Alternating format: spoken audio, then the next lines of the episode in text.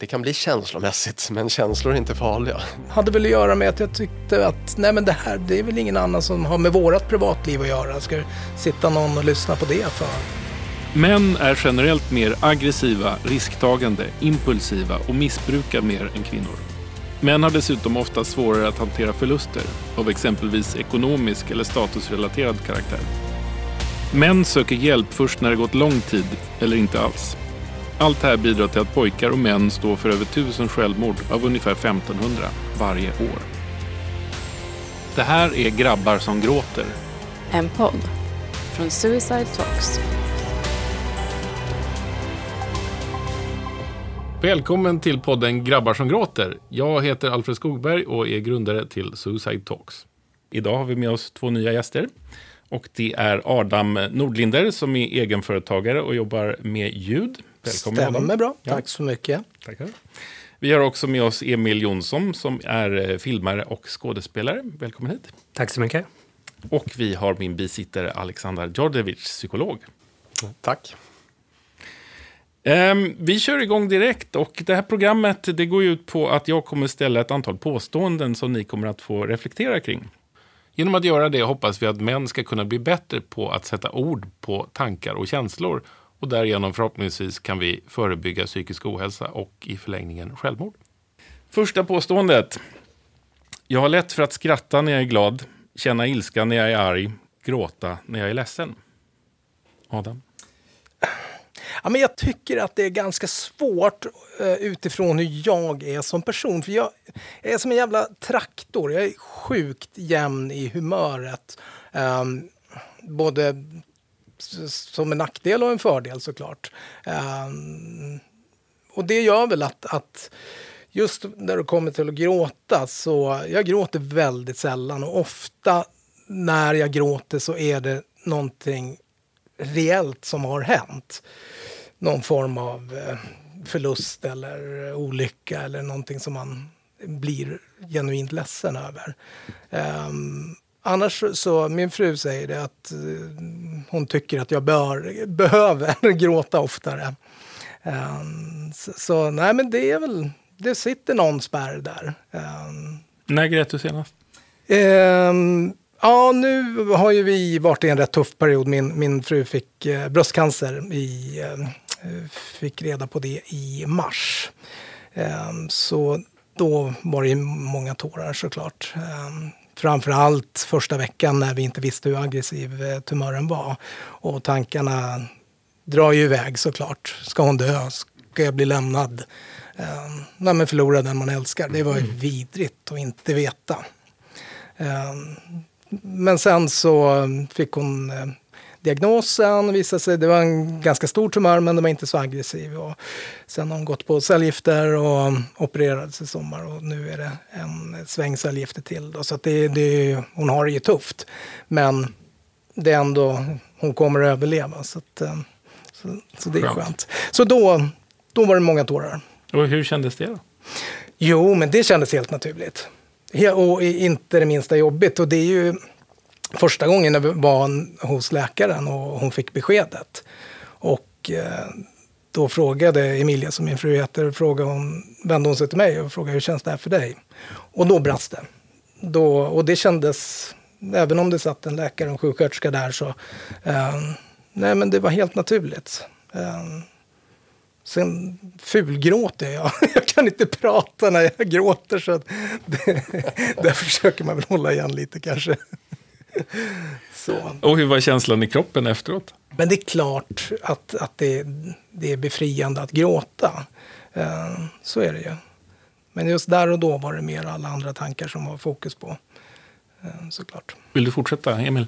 Ja, jo, jag fick lite tid att tänka här. Uh, Nej, men det är samma här med gråta. Det är ju väldigt svårt, tycker jag, att gråta. Eh, om jag skulle rangordna de där känslorna du listar så ja, gråta är svårast och skratta kommer sen och, och, och, och ilska eller kanske aggression. Eller så.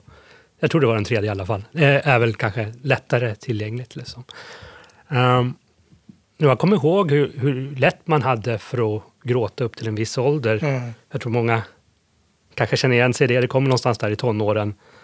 Eh, I alla fall för mig. Eh, vi, ja, vad kan ha varit, 14, 15, någonting. Och, så, och det var verkligen från en dag till en annan. Alltså från ena dagen så hade man inga, ibland så använde man till, när man var yngre där, då använde man ju som medel ibland. alltså sådär, man, ja men nu vill jag må bättre och är frustrerad över något, då gråter jag ett tag. Eller, och då, antingen så mår jag bara bättre eller så får jag min vilja igenom gentemot någon annan eller någonting. Men, eh, men sen nästa dag så bara, äh, jag har inte tillgång till det. Liksom. Och då har jag ändå en bakgrund som skådespelare och, och jobbat med skådespeleri länge. Så jag har ju eh, sakta men säkert eh, luckrat upp massa eh, saker och, och, och, och ha mer tillgänglighet till mina känslor på många sätt. Men, men jag skulle säga att rent ut gråta, tårar och sådär, det är svårt. Kommer du ihåg när den där vändpunkten var i tonåren när du slutade gråta? Jag, kommer, jag vill minnas att det fanns någon slags tanke att det är ändå ingen idé. Det hjälper ändå ingenting till. Och jag vet inte, det kan ju vara bero på min livssituation då. Jag bodde eh, faktiskt hos en fosterfamilj och, och jag kanske använder ibland gråtet som ett sätt att ta mig igenom olika jobbiga saker. Och eh, idag vill jag minnas att jag hade den tanken i alla fall att nej, det är ändå ingen idé. Och sen så plötsligt så blev det en sanning som bara ja, var där. Och varför är det så att män generellt sett gråter mindre än kvinnor? Alexander? Ja, det där skulle också folk säga säkert olika saker på. Det finns inget exakt svar. Men jag tror att det eh, handlar framför allt om socialisering. Vad jag förstår så är det ju där också väldigt olika i olika kulturer, olika tidsepoker. Men om man, eh, för några hundra år sedan så var det ju mer att liksom väldigt manligt att gråta. Och man var liksom att verkligen visa starka känslor, inte bara liksom ilska och sådär. Eh, att, att, liksom, att visa verkligen sorg och gråta stort. Det var, eh, i alla fall vad jag har förstått var väldigt liksom, betraktades som väldigt manligt och så. Men det där, jag tror någonting kanske med industrialismen och, och sådär att eh, män har mer, i alla fall i våran då, eh, del av världen, skolats in väldigt mycket till att Ja. Och den biologiska funktionen då för gråta? För de få gånger jag själv har gjort det så känns det ju väldigt skönt. Ja. Och ändå är det så sällan som jag känner det behovet. Men ja. borde man inte på något sätt vilja gråta mer? Mm. Nej, men det, det, tror jag, om man tänker som, som du sa också när man var liten, och då, då kom det där ofta automatiskt. Innan man kanske, men jag, men jag tänker en stor del av, av att vi, både när vi blir äldre men kanske framförallt då killar, att vi skolas in i att, att vi, jag tänker många kopplar ihop det med skam. Att, att inte visa sig svag, inte visa sig sårbar. Det, många män, pojkar lär sig det väldigt tidigt. Tror jag. Och jag tror att det, det har, ser man ju på många studier att redan hur, hur föräldrar och andra liksom vuxna behandlar bebisar skiljer sig om man tror att ett, en bebis eh, är ett flickbarn eller ett pojkbarn så kommer man behandla barnet lite olika. Om, om barnet skriker så säger man oftare till en pojke att den är arg liksom och till en flicka oj du är ledsen och sådär. Så, så det, jag tror att det är väldigt tidigt som det där skolas in. Emil? Jag har inte vuxit upp med min far till exempel. Nej. Och när jag träffade honom för första gången 30 år senare i livet utan att ha vuxit upp med honom, så hur mycket lika vi var, både när det kom till känslor, till uttryck, till gester, oh, till allting. Jo, men absolut. Ja, men och, och, och, och, han har viss ja. problematik kring sina känslor och de har ju jag också, men jag har inte vuxit upp under alls samma förutsättningar som han. Eh, det är absolut en stor komponent som är vad gäller även våra känslomässiga uttryck och förmågan hur, hur sensitiva vi är och hur reaktiva vi är känslomässigt. Det är absolut en, en Eh, en, ganska betydande del som är ärftlig. Så. Adam, du vill flika in med något? Nej, men jag tänkte på, på det som du säger Emil, just mm. det här med när man slutar gråta. Jag har ju två barn, jag har en son och en dotter. Eh, sonen är 25 och dottern är 21. Mm. Eh, jag tänkte på det när jag åkte hit nu, när vi skulle prata om det här ämnet. Jag har inte sett min son gråta sen han var i 9-10 mm. års åldern. Mm. Eh, Medan min dotter har gråtit hela tonåren. Mm. Så, så um, det finns någonting där tror jag, med just vad det gäller när man kliver över no någon form av gräns mm. eh, åldersmässigt. När det kanske blir skamligt eller vad det kan vara. Och just det där med skam, det är, det är ju förbannat löjligt egentligen. Men när vi sitter hemma och kollar på tv och ser en sorglig film och man känner att det är så sorgligt så att det börjar rinna en tår då döljer jag det för min fru. Ja, varför gör jag det? Det är ju helt sjukt egentligen. Hon har ju sett mig gråta hur många gånger som helst. I en tysk studie från 2009 rapporteras att kvinnor gråter mellan 30 och 64 gånger per år. Män gråter 6 till 17 gånger under samma period. Men fram till 13-årsåldern gråter pojkar och flickor lika mycket. Något som indikerar att glädje, ledsamhet eller ilskegråt är ett inlärt beteende. Kvinnor gråter när de känner sig otillräckliga, när de hanterar svårlösta situationer eller när de påminns om tidigare händelser. Män gråter oftare på grund av empati eller när ett förhållande tar slut. Tack hörni, mycket intressanta tankar kring ett eh, ämne som vi säkert får anledning av att återkomma till. Vi går vidare. När jag inte kan lösa ett problem har jag lätt för att be om hjälp. Adam? Eh, jag tycker det.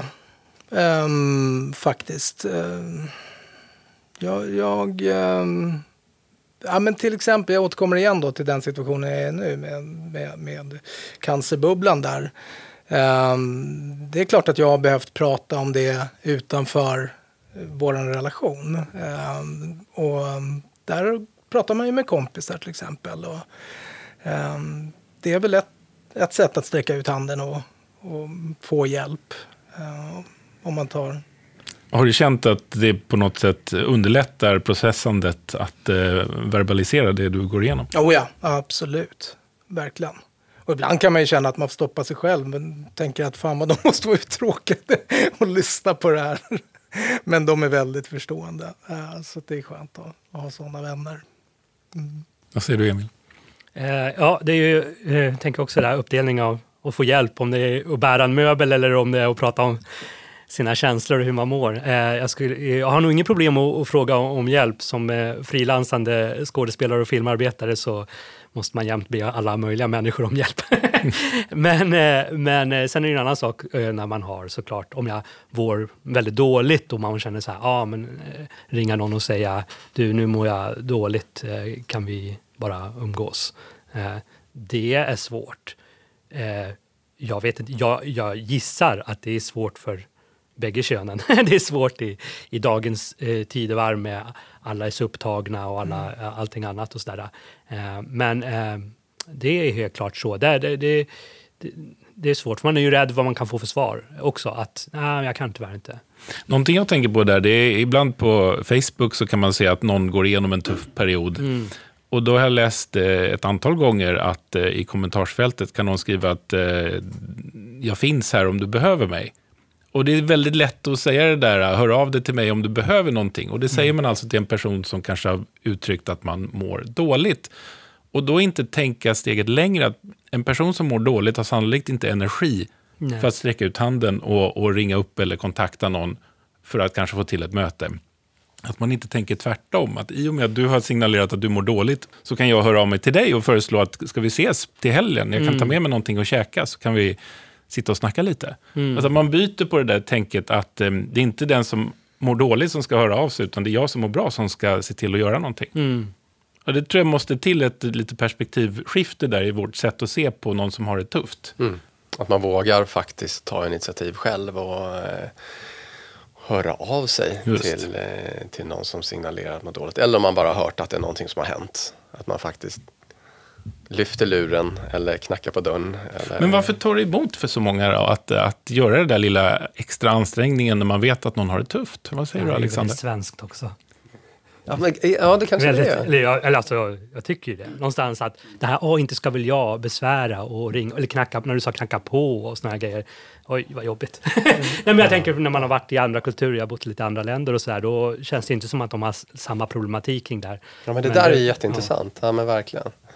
Ja, men vi är väl rädda att göra fel, rädda att störa. Men precis som du säger, att, det, liksom, att vara i vägen på något sätt. Ja, men jag tror mycket det där att, att, att, att göra fel på något sätt. Ja, men om jag säger fel grejer då? Om, om, om, jag, om, jag, om jag säger något, liksom, råkar säga något klantigt så kanske, kanske personen liksom blir ännu ledsnare eller att det finns någon, någon slags oro där kring att, kring att man inte ska göra rätt. Eh, tänka en del och sen så kanske bara att man inte orkar, att man, att man bryr sig om annat kan vara en sån. Men, men eh, jag, jag tänker rätt ofta så tror jag ändå att folk vill eh, eller har en tanke om att de skulle kunna, vilja eller göra någonting. Men så tar man inte det där sista steget. Eh, Man ringer inte personen, man, man, man gör det faktiskt inte för att man känner, ah, det, det kanske ändå är det är onödigt. Kanske ändå bättre att jag låter bli. Jag, tänker, jag lyssnade just på Hans Roslings eh, självbiografi.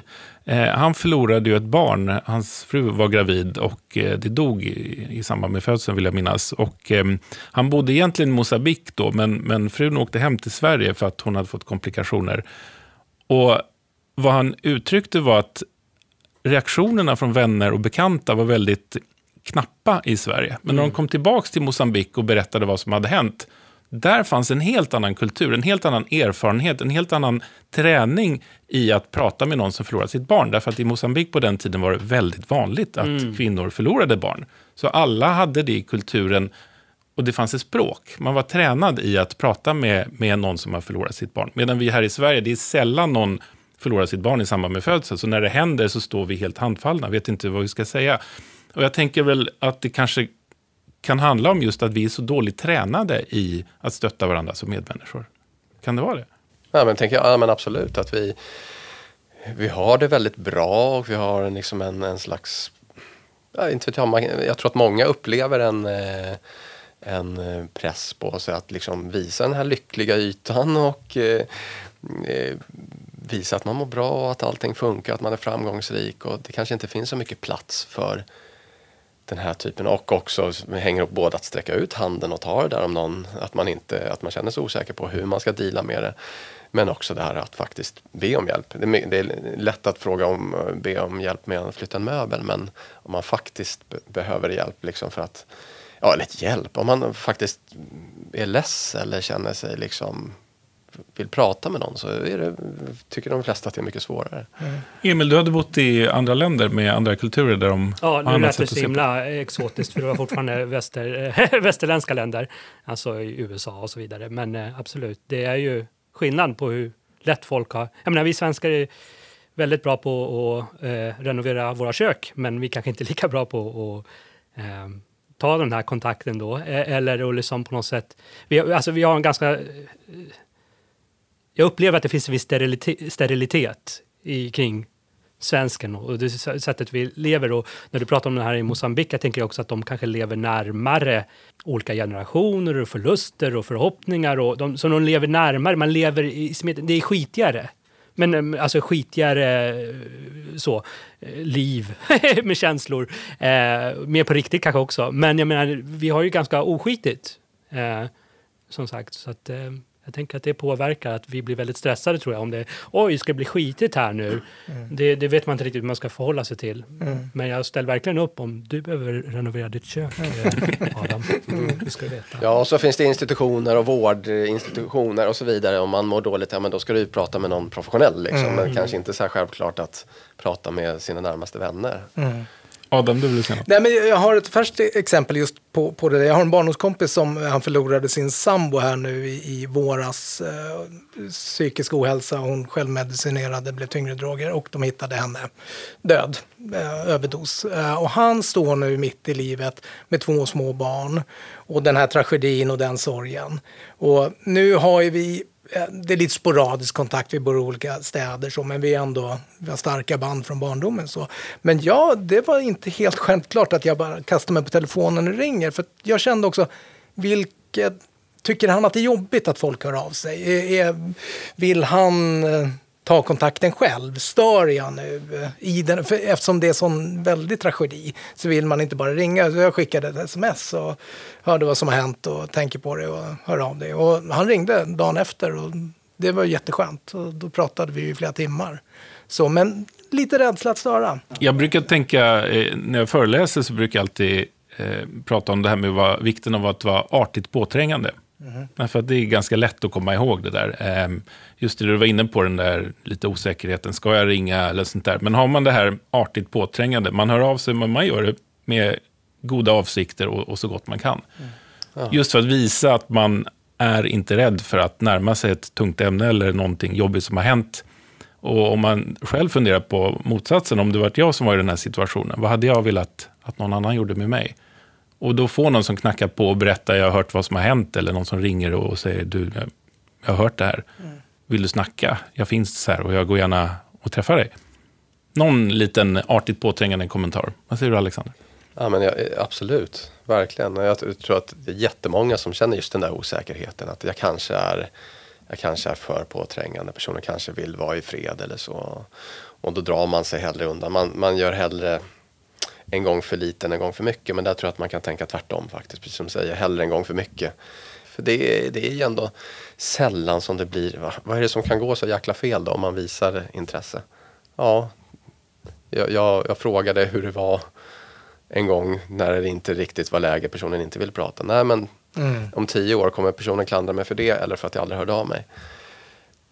Ja, det är sant. Emil? Eh, och att våga då säga, eh, jag känner mig jättedum nu, jag vet inte riktigt hur jag ska förhålla mig till Eller det här. hur? Att våga säga så här, ja, men om, som sagt, skulle det här hända någon vän och någon den känner har tagit livet av sig eller förlorat någon närstående.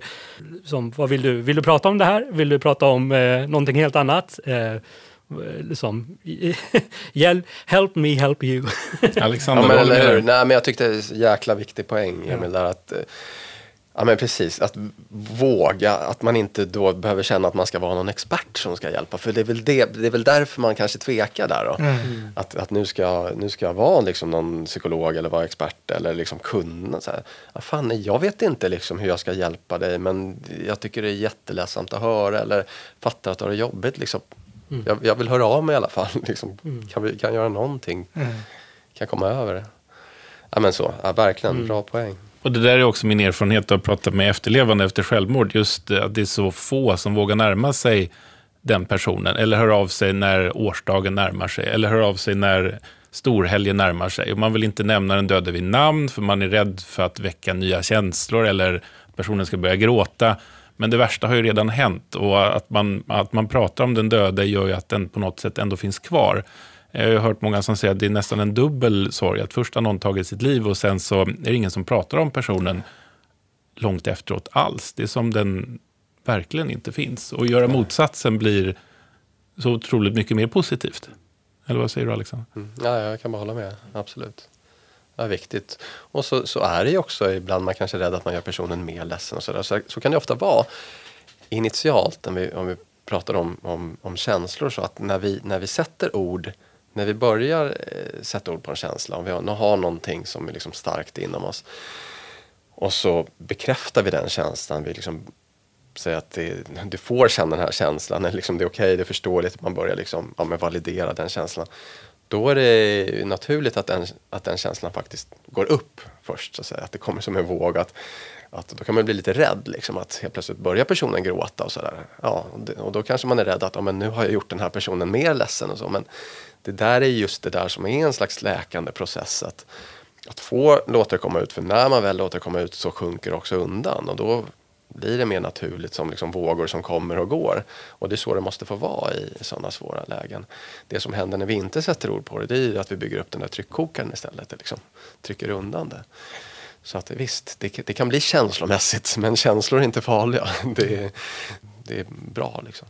Men jag bara tänkte på det Alexander, i ditt yrke, ser du det här att män har svårare att gråta när du Ja, men absolut. har samtal med Ja, män eller kvinnor? Att det är vanligare? Jo, men det tycker jag att må- många beskriver att, att, det, att ser det också. Att Det kan finnas en större tröskel och eh, någonting som man kan behöva jobba liksom mer med. En, en ja, men, eh, längre, längre väg liksom att lära sig sätta ord på känslor. och Så i, om man säger då generellt, det här är såklart olika individer, men, men om man säger på gruppnivå så, så, så tycker jag att det är så. Betyder det- Genomsnitt liksom. Betyder det också att de har svårare att skratta?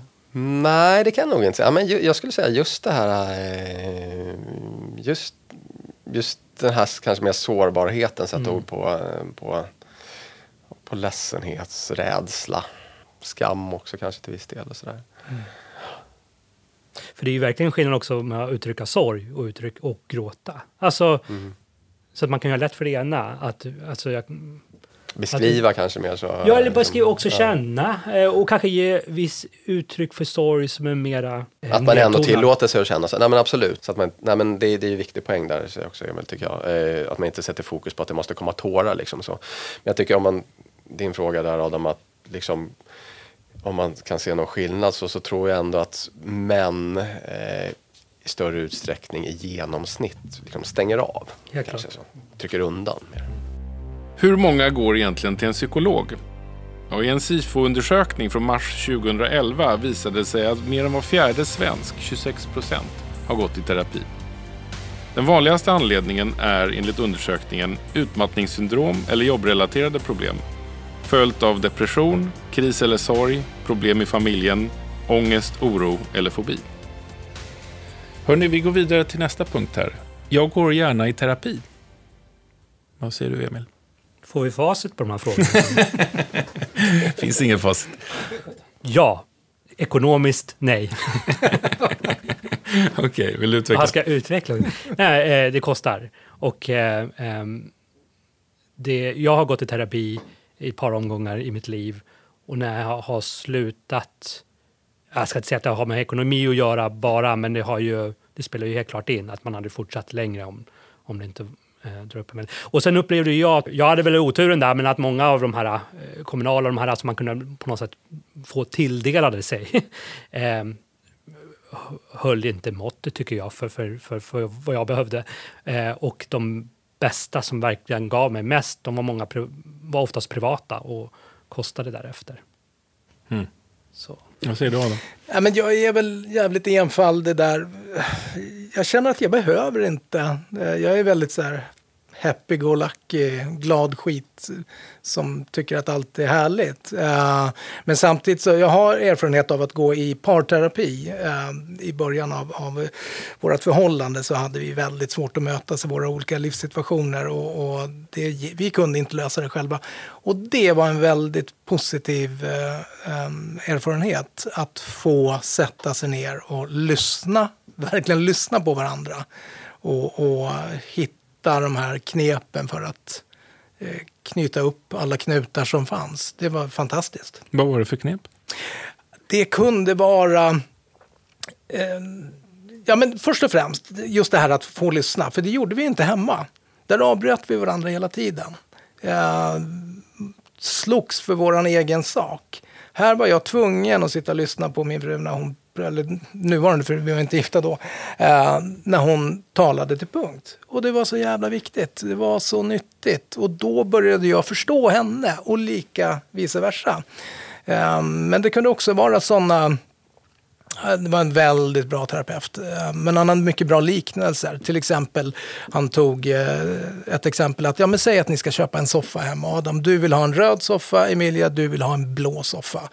Ni kommer inte komma överens. Då måste ni hitta någonstans och kompromissa. Då köper ni den gröna soffan. Sådana saker som kan låta väldigt banalt eller enkelt. Men det var så nyttigt att få de där små tipsen och sen överföra dem också i, i det dagliga livet.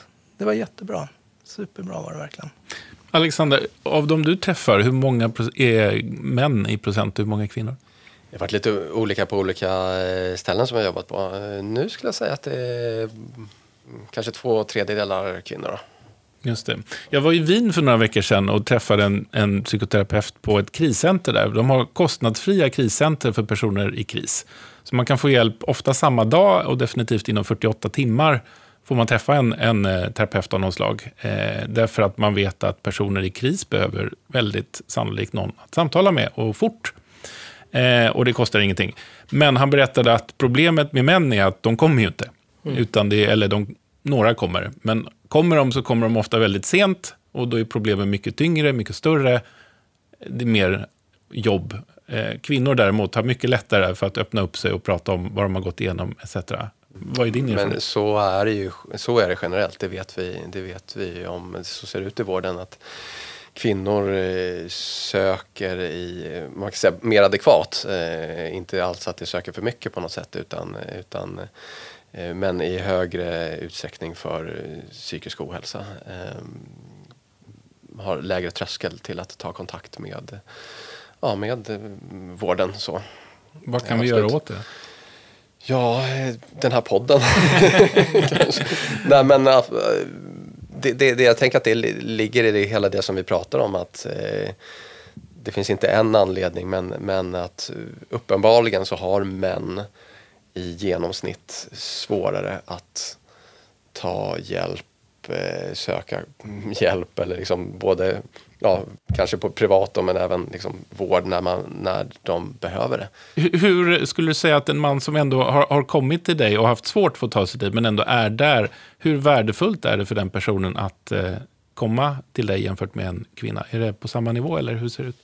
Jag tror inte det går, går, går att säga så kanske, men eh, jag, jag hoppas ju att jag eh, försöker ju bidra med någonting till, till både män och kvinnor och så. Men, eh, men absolut, man kan ju säga att i vissa fall då, så kanske för en, för en man eh, i genomsnitt återigen eh, har varit en större tröskel att, att liksom bara komma, komma till det där samtalet. Jag, men, jag har träffat många män som, som när de väl bara liksom får den här, liksom, får lätta, lyfta på locket liksom och så, så kan det gå väldigt enkelt, alltså det kan vara så skönt för många. Men att, för de har aldrig fått den där eh, tillfället liksom. Man har aldrig haft den där vänskapskretsen där man har kunnat prata om känslor, aldrig haft den uppväxten, aldrig kunnat ha, ha den liksom föräldern eller manliga förebilden eller på något sätt. Det tillfället och då att bara få göra det kan ju vara extremt liksom utvecklande och, och, och läkande. Men jag, jag tror att det är okunskap. För att jag vet när vi gick i parterapin så fick eh, min fru tjata på mig för att jag spontant sa nej när hon föreslog det.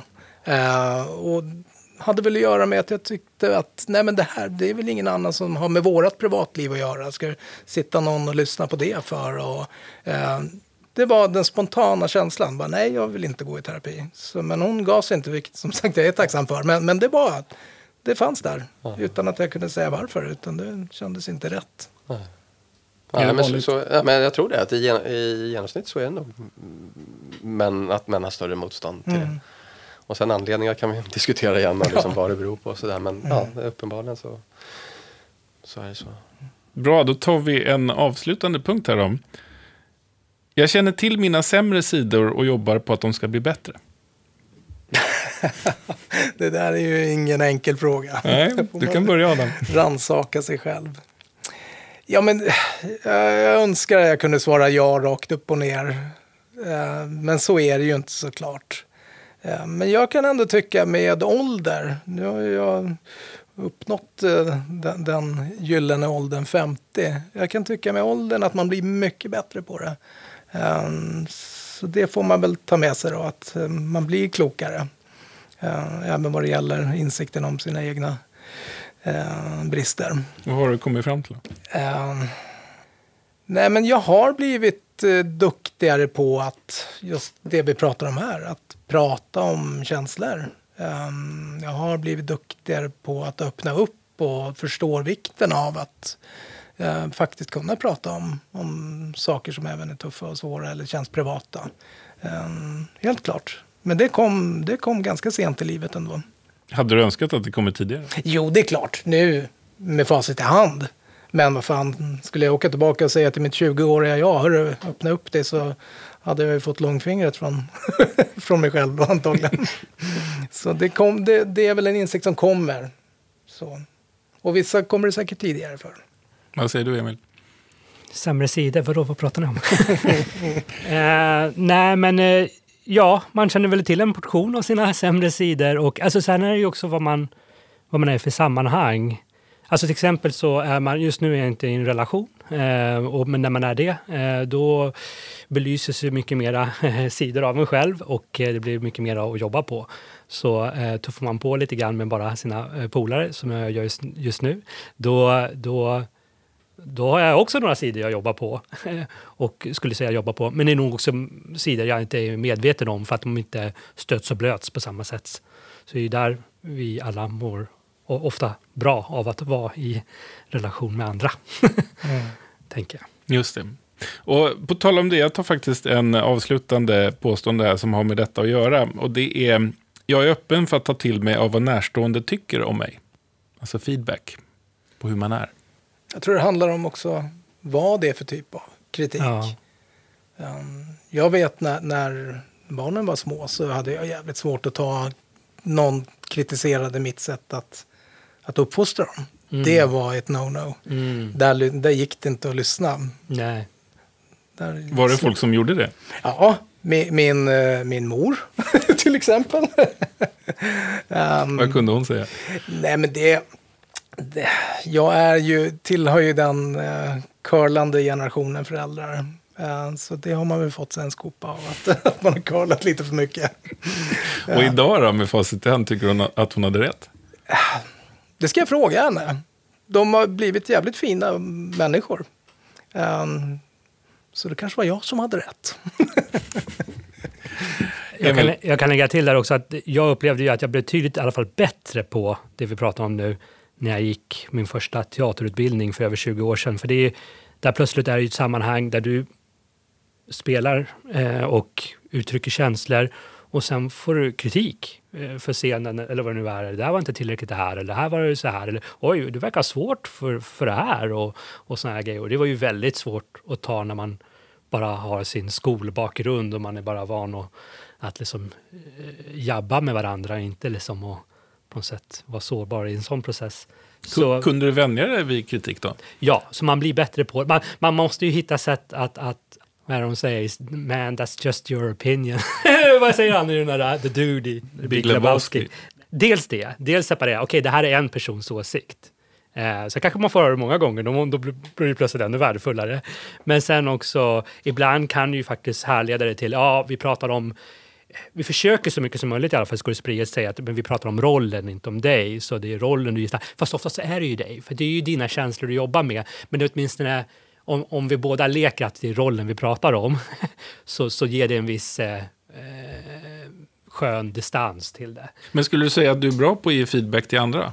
Ibland är man ju lite feg, eh, så. men det beror ju på vad man har för relation med den och om man litar. Och jag har ju även jobbat som teaterpedagog och där måste man ju ibland tuffa upp sig för att är man, inte, är man lite feg, för man kanske tänker på oj, den här kanske inte är redo för det här eller någonting, då blir man ju istället väldigt otydlig i sin kommunikation. Och det kan ju såra minst lika mycket, den här otydligheten.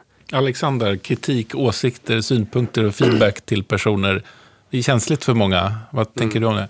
Jo, men det är klart att det, det, det, det är ju, och det som jag reflekterar kring Eh, här är eller generellt kring det är ju att det ofta är svårare ju närmare det är. Fast man, alltså ju närmare relation. Man tänker att det borde vara tvärtom. Liksom. De som känner mig bäst borde jag väl liksom kunna vara mest öppen med och ta kritik från lättast. Men ofta är det precis tvärtom. Att liksom den vi lever med eller så, där blir det Ja, där blir det liksom känsligast. Där blir vi mest upprörda. Sen kanske på jobbet kan vi vara jätteproffsiga på att ge och ta kritik. Och sen hemma så är det, är det mycket knepigare. Är det här någonting vi borde öva oss på i något slags eh, kontrollerad situation? Ja, men det tror jag man kan ha nytta av. Absolut. absolut. Har du några tips? Så, men som Adam sa, lyssna. lyssna på varandra innan man eh, låter varandra tala till punkt. Och försöka verkligen faktiskt sätta sig in i den andres situation och inte se det, inte gå i försvar direkt eller så. Att, att faktiskt ta till, försöka ta till sig kring vad den andra personen faktiskt säger. Och, Men inom psykologin så har man väl vissa termer för hur man bemöter någon så att det landar rätt. Typ reflekterande, lyssnande eller mm, vad, vad finns det för termer för att den andra ska känna sig bekräftad, lyssnad på? att bekräfta, att validera eh, den andras känslor och, och Är det att validera? Ja, det skulle jag säga. Att, begripa att, liksom att det, det är giltigt. Sen kanske jag har en annan upplevelse. Men det, det är inte, det är inte liksom, det fråntar inte din upplevelse. Det är en bra startpunkt.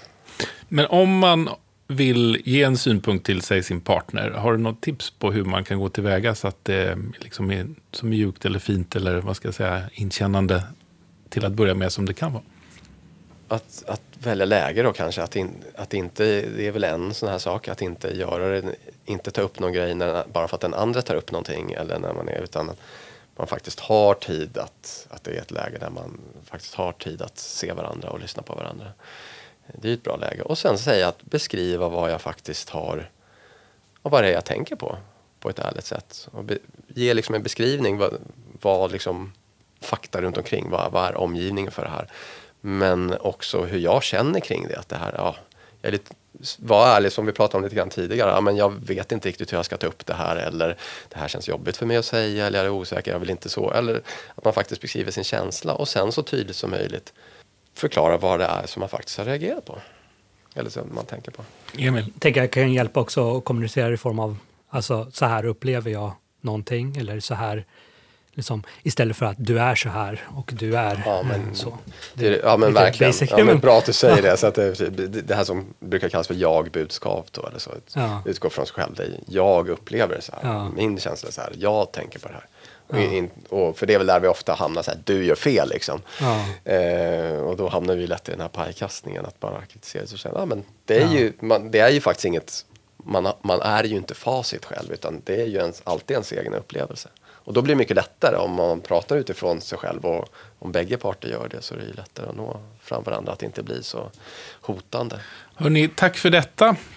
Tackar. Det Tack. var väldigt givande och intresse, intressant att höra era tankar och sätta ord på vad ni har funderat på eller eh, vad ni har upplevt. Så tusen tack för att ni har varit med i det här programmet. Eh, sista frågan bara. Eh, ni kanske är oförberedda på detta, men vilk, vem eller vilka skulle ni vilja se som gäster till nästa program? Jag tycker det skulle vara intressant att få lyssna på några som har en nära relation. Förälder-barn till exempel. Pappa-son. Um, syskon eller någonting. Där, det är väldigt, där man känner varandra bra och se stämmer bilden. Och det skulle vara intressant. Mm. Tack. Det låter jättesmart. Och, och det kan till och med vara någon som har gått igenom en Ja. Jag känner sådana som har gått igenom problematik där barn och så, Mm.